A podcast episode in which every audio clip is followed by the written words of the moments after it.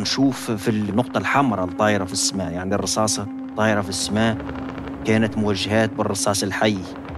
الأغريب في الأمر أنه في الاتجاهين كانت مواجهة حية بين الإرهاب والجيش. أنا خايف طول الطريق خايف. أنا مدني أعزل. كنتش ضامن أني نوصل للدار أو ما نوصلش. هكذا كانت حياة رمزي برطولي قبل سنوات. خوف مستمر من أن تصيبه رصاصة طائشة من هنا أو هناك. عاش رمزي في منطقة محاذية لجبل الشعامبي في موقع اندلاع الحرب ضد الإرهاب وسقوط عديد الضحايا من جنود ومدنيين بعد أن تحول الجبل إلى حقل للألغام. زميل خويا مات وهو يمشط في الجبل مع الكتيبة. العسكرية فجأة في حركة لم تكن في الحسبان. حط رجله عفس على لغم فجر عليه الأدهى والأمر. فجر عليه اللغم الأول يطيح على لغم ثاني. مشهد يخلي القلب يبكي دم فعلا. مشاهد مرعبة عاشها ابن القصرين. ليقرر الانتقال إلى ألمانيا بهدف التخصص في مجال صناعة وتطوير كاشفات الألغام. عاقدا العزم على حماية بلده وشعبه من خطر الموت الخفي تحت الأقدام. هذه حلقة جديدة من بودكاست فصول. مروى وشير أعدت الحلقة وأنا أحمد خير الدين. معا نروي فصول الحكاية.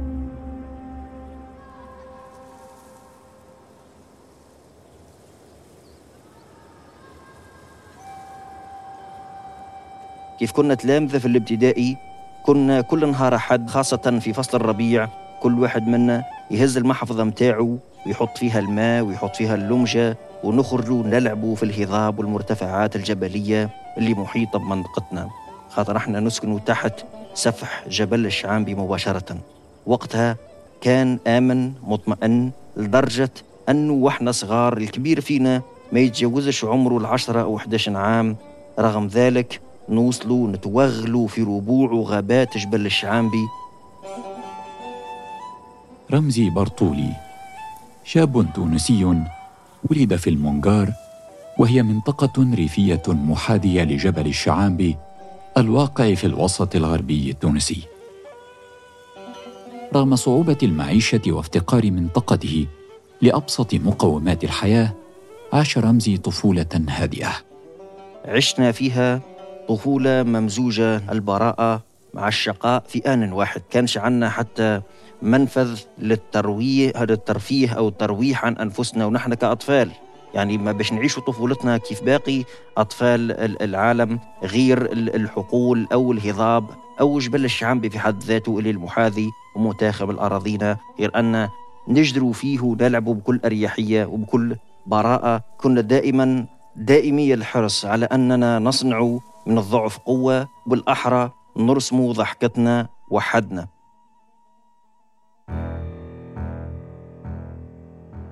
ولم تدم الضحكة طويلا. تمر السنوات وتتطور الأحداث. مع نهاية عام 2010 اندلعت الثورة التونسية ومعها دخلت البلاد في مرحلة جديدة. يصفها رمزي بمرحلة الرعب. كل مرة نسمع بهجوم إرهابي أو تفجير أو انفجار لغم أو إطلاق نار على كمين عسكري أو شرطة. إلى اللي المصطلحات هذه في حد ذاتها كانت كانت غريبة علينا قبل 2010 و2011 المصطلحات كلمة تفجير كلمة إرهابي كلمة انفجار كانت غريبة علينا ما كناش نسمعوا بها. وقتها بالرسمي عرفت اللي عندنا جيش وطني ومؤسسة أمنية وعسكرية مستعدة فعليا وحرفيا إنها تعرض صدورها للرصاص باش المواطن يبات آمن ومطمئن في داره. فعلا العديد من العسكريين والأمنيين عرضوا صدورهم للرصاص منهم اللي مات بالألغام منهم اللي مات متفجر فقط أنه يموت هو باش الشعب يعيش.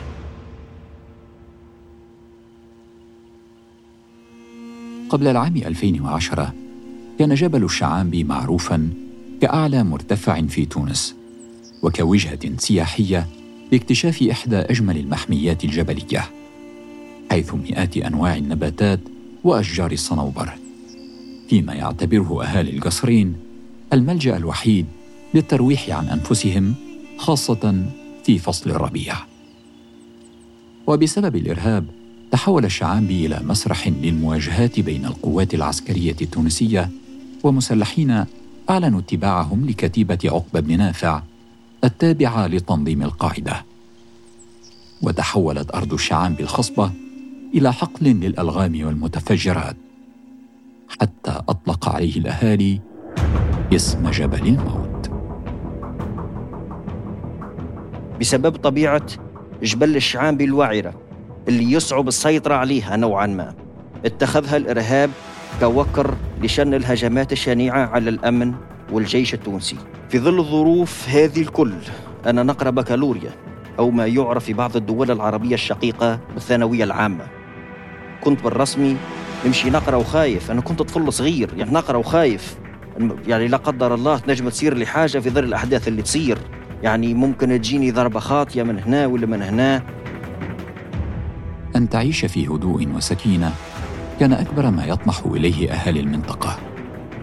كانوا يحاولون صنع البهجة وتجاوز دوي الرصاصات والتفجيرات بالتجمعات العائلية على كأس من الشاي وتبادل أطراف الحديث عن بطولات الجيش التونسي. لكن سرعان ما تنقلب تلك الأجواء إلى مشهد رعب.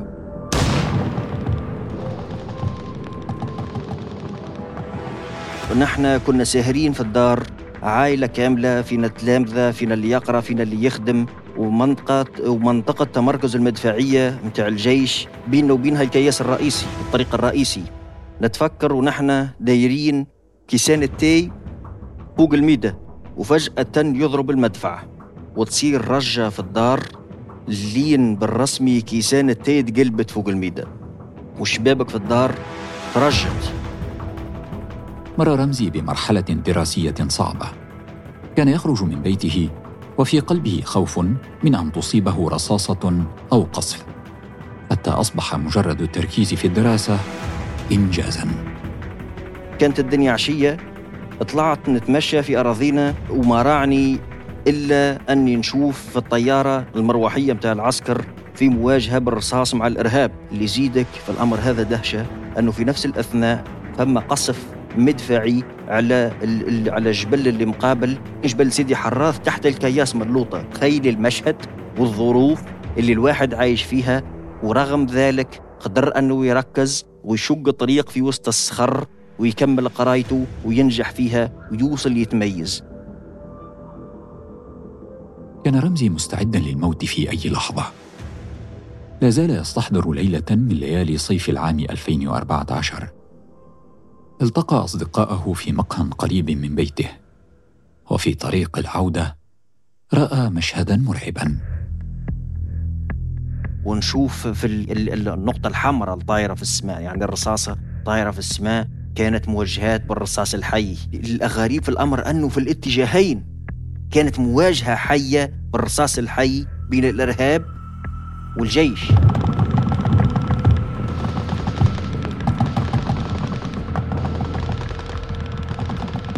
بعد ما أقل من ساعة أو ساعتين من المواجهات المخيفة المرعبة جو هدئ وأصبح الجو سكون. روحت من القهوة على الطريق نشوف في ثم تجمعات متاع شرطة ثم تجمعات متاع تحركات متاع الجيش. وصلت للدار وأنا خايف. طول الطريق خايف. أنا مدني أعزل في وسط مواجهات بالرصاص الحي. كنتش ضامن أني نوصل للدار أو ما نوصلش. ورغم الظروف الصعبة نجح رمزي في اجتياز مرحلة الثانوية العامة ومن بعدها الجامعة. فيها درس الهندسة الميكانيكية وتفوق فيها بامتياز. في الأثناء استمرت المواجهات بين الجيش التونسي والجماعات الإرهابية حتى عام 2013 أعلنت الحكومة التونسية قضاءها على الإرهاب وبدأ الجيش في عمليات تمشيط داخل جبل الشعامبي. والجبال المحاذية له. توقف دوي رصاص فرح الأهالي لكن لم تدم الفرحة طويلا. قضت مضاجعهم هذه المرة بانفجارات الألغام المزروعة. ومع كل خطوة خاطئة ينفجر لغم وتزهق روح بريئة. خويا أداء خدمة في الجيش التونسي. بداية من أعتقد 2015 وبعد مدة مش طويلة حوالي 2016 2017 زميل خويا اسمه الرقيب محمد أمين السبلاوي الله يرحمه مات أثر انفجار لغم عليه. هذا كان صديق مقرب لخويا محمد أمين السبلاوي كان يتيم وهو المعيل الوحيد لأمه وأخته. الطريقة اللي مات بها نوعا ما طريقة شنيعة. مات وهو يمشط في الجبل مع الكتيبة العسكرية اللي هو معاها فجأة في حركة لم تكن في الحسبان. حط رجله عفس على لغم فجر عليه. فجأة حياته انتهت في في غضون. ثواني.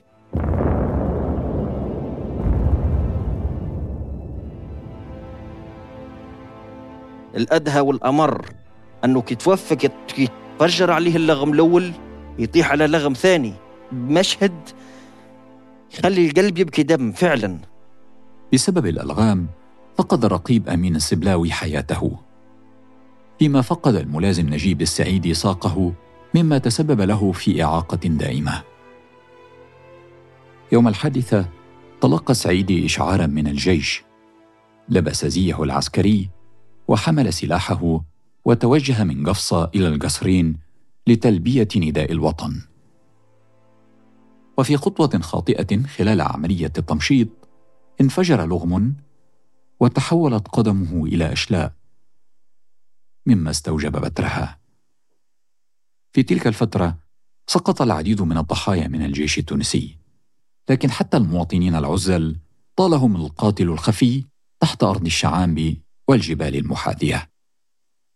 من بينهم شيخ مسن خرج كعادته لرعي الأغنام في جبل السلوم.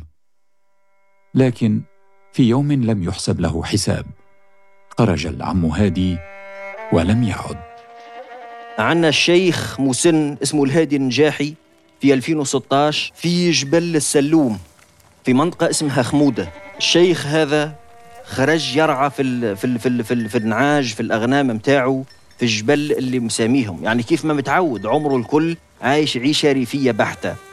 يخرج مع الصباح بكري ولا في العشية كيف تنسم الدنيا يخرج الغلم متاعه فهمتني؟ ويبدأ يرتع بيهم واحدة واحدة منها يروح على نفسه راجل كبير ومنها يأتي منها مورد رزق ليه في نهار من نهارات ما كانش عامل حسابه في خطوة خاطئة وفي خطوة لما كانش عامل حسابها يعفس على لغم يتسبب ليه في إعاقة. دائمة.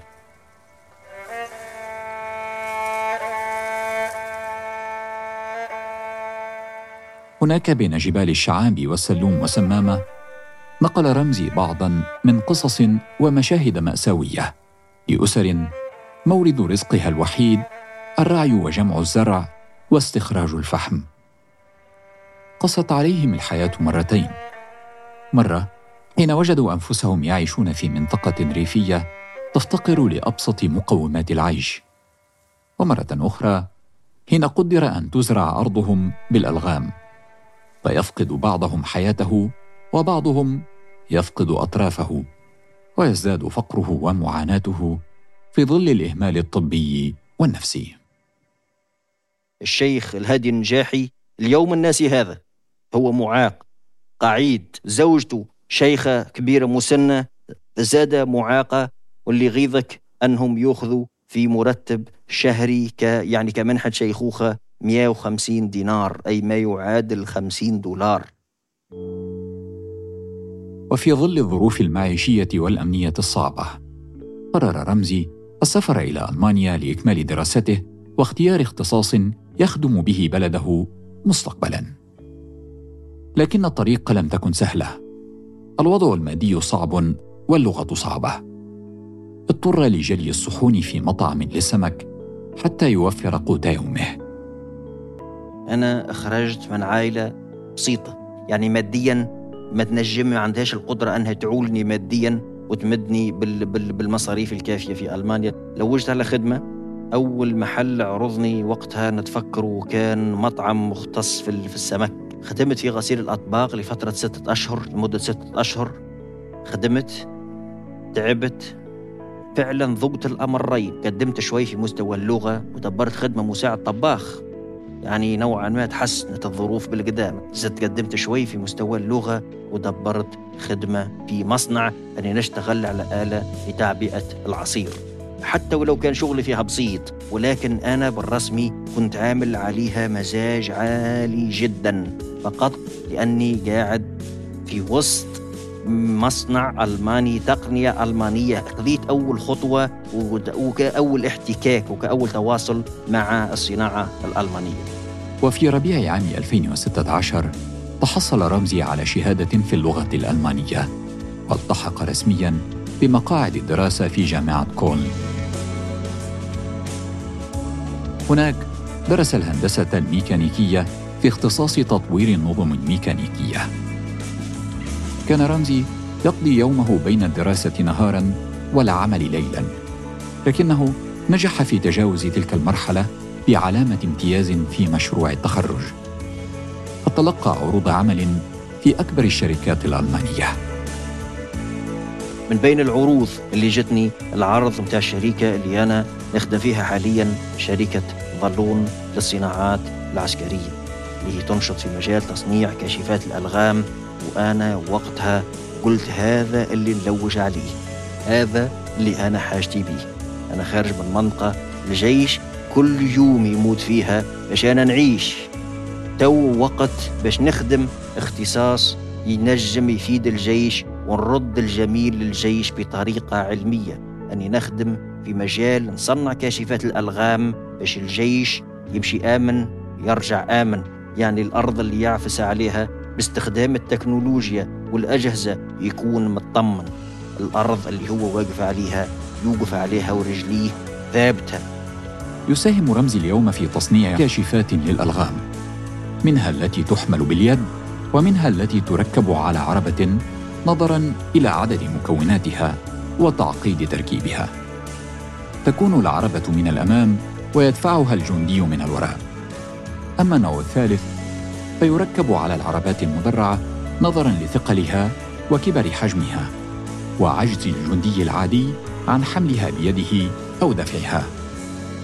فيتم تركيبها على مقدمة هيكل المدرعات والعربات المضادة للألغام. يصف رمز الألغام بشيطان له ذيل. لو كان اللغم شخص نجم نوصفه بوصف هشام الجخ شاعر صعيدي يقول آه، شيطان له ذيل. اللغم بالنسبة لي هو شيطان له ذيل. الضحايا وعائلات الضحايا. والا يكون هناك مزيد من ضحايا الألغام. هذه ملفات تشغل رمزي برطولي الخبير التونسي في تصميم وتطوير منظمات كشف الألغام. مزروعة بالألغام اختار رمزي طريقه. مهنته أن يقترب إذا ابتعد الناس. وطريقه من الريف التونسي إلى ألمانيا لم تكن سهلة أيضا. لكنه ثابر ونجح. اصبر وكابر وكافح وعاني. لاجل المليح يهون التعب وخليك يا وليدي على الصحباني ولا خاب منه تروى وحسب. هذه تحيات مروى وشير وأنا أحمد خير الدين. مع النروي فصول الحكاية.